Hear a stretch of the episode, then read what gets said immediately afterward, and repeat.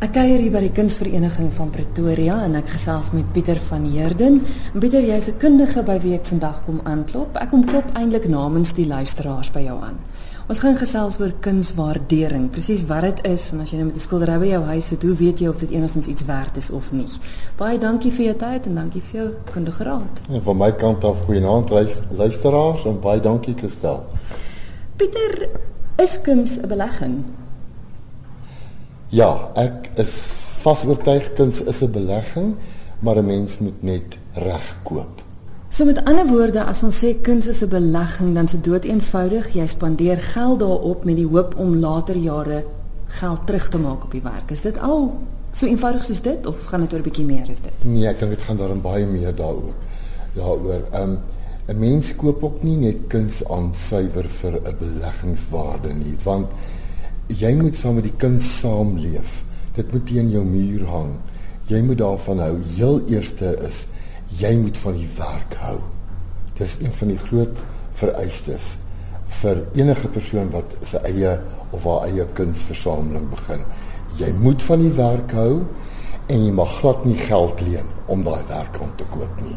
Regtig? Nee, moenie geld leen nie. Koop uh, as jy nie as jy nie jou eie geld het om 'n kunswerk aan te koop nie, belê dan in ietsie wat dalk goedkoper is soos in 'n jonger kunstenaar. Kom ons kyk gou na hoe om kuns te kies as 'n belegging. Jy stap nou in 'n galery in. Moet jy altyd gaan vir die bekende name, dit wat ons almal ken of kan jy ook wel 'n belegging maak in 'n jonger kunstenaar. Jy het nou genoem van 'n jonger kunstenaar. Kyk, 'n jong opkomende kunstenaar om in 'n jong opkomende kunstenaar se werk te belê is is, is daar's niks meer verkeerd nie, maar weer eens doen jou huiswerk. Gaan kyk waar het die persoon gestudeer? Ehm um, is die persoon al opgeneem in enige van enige kuns uh, museums of kunsversamelings in die land? Want daar is kundiges wat hierdie aankope doen. So as 'n jong opkomende kunstenaar alreeds in verskeie kunsmuseums hulle werke daarsot in uh, uitgestal word, dan dan weet jy daar is kundiges wat hierdie werk aangekoop het. En dit is ook gewoonlik meer as een persoon. Met ander woorde, is 'n klomp mense wat gekyk het. Ja, en dis almal kundiges, mm. kenners wat weet van kuns af. So dis eenvoudig soos dit, tik dit in op 'n soek engine en kyk of of die persoon se werk ergens anders te sien is en as jy sien dit is, dan weet jy okay, goed is veilig. Ja, heeltemal reg, want jy weet baie keer belê mense in kuns wat wat op die oomblik vir hulle so ongelooflik mooi is. Maar ek sê altyd kuns om 'n kunswerk aan te koop is amper soos om om 'n motor aan te koop. Doen navorsing en doen jou huiswerk. Mm en vind meer uit oor die kunstenaar en en en moet jouself nie blind staar teer hierdie ongelooflike verkoopsman wat sê uh hierdie is die die volgende Kentridge van Suid-Afrika en dan is dit dalk nie so nie.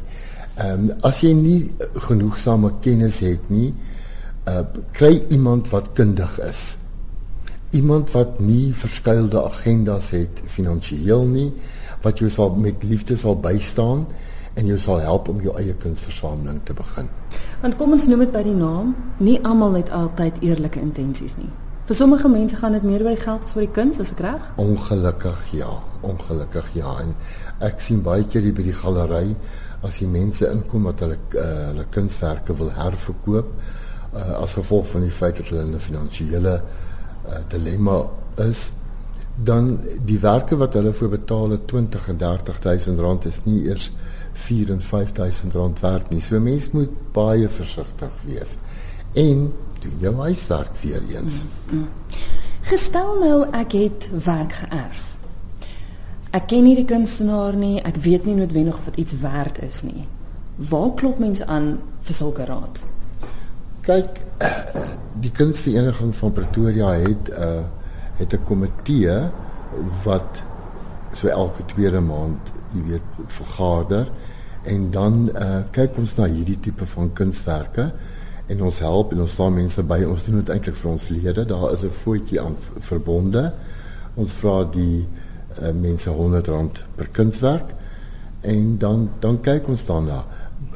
Ek moet bysê baie keer gebeur dit ook dat mense erf kunswerke van hulle families, maar dan dit kan dalk wees dat hierdie werk eintlik die waarde in die sentiment lê en nie noodwendig in geld nie. En dan sal ek vir so 'n persoon aanbeveel om die kunswerk nie te verkoop nie, maar dit eerder in die familie te hou. Mm, want hulle gaan in elk geval nie veel daarvoor kry nie. Ja, presies. Goed, so julle kyk na die werk, help julle dan ook vir vir die mense wat inkom om van die werk ontslae te raak? Ja, ons doen aanbevelings. Ons het heidaglik het ons hierso drie privaat versamelings gehad wat ons moes verkoop vir die vir die uh, versamelaars. Uh, al drie mense het na 'n kleiner huis getrek en uh ja, so ons help daarmee ook en as ons as ons nie die kopers het nie dan verwys ons hulle ook natuurlik na na veilinghuise toe uh of ons sit hulle in kontak met mense wat moontlik hierdie werk sal aankoop.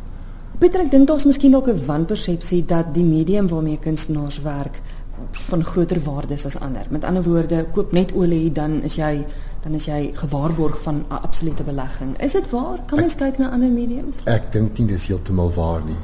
As ons kyk na uh wonderlike etse en sydrukke uh en monotipes wat wat kunstenaars maak, is die belegging daar net soveel soos wat in in sommige oliewerke. En dan kan ons ook natuurlik kyk na nuwe media ook. Ehm um, ja, net suiwer oliewerke vir 'n versameling sal ek nie aanbeveel nie. En hoe belangrik is dit dat jy die kunswerke wat jy gekoop het as belegging moet opgee vir versekerings? Moet jy dit insluit by jou huisinhoud? Dis 'n baie moeilike vraag hierdie want jy weet uh, Ek dink om al jou kunswerke te vers, te verseker kan jou 'n hele klompie geld uit die sak uitjaag. Dit is eintlik baie beter as die goed verseker is want vroeër jare het mense nooit kunswerke gesteel nie. Hulle het maar meer gesteel juwele en uh televisiestelle en en mikrogolfoonde en daai tipe van ding maar jy daar daar word deesdae ook kuns gesteel en op die swartmark geplaas. So ek sal maar aanbeveel dat die luisteraars moet maar ook maar voorsiening maak in hulle versekerings vir hulle kuns. Pieter as luisteraars by julle sou wel aanklop vir raad. Miskien is daar nou iemand wat dalk met werk by hulle sit en graag sou wil weet hoeveel dit werd is. Het julle kontak besonderhede? Kan hulle kom aanklop by julle? Natuurlik. Ons is hier in Pretoria, ons is in een uh, in Mackie Straat 173 Uh, ons telefoonnommer is 012 346 3100 en ons e-posadres is aartspta@mweb.co.za.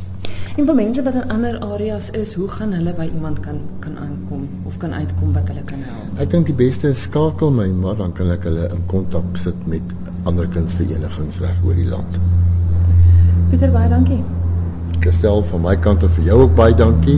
Baie dankie luisteraars en ek hoop met hierdie paar kort sinnetjies het ons julle ook baie lus gemaak om kuns te belê.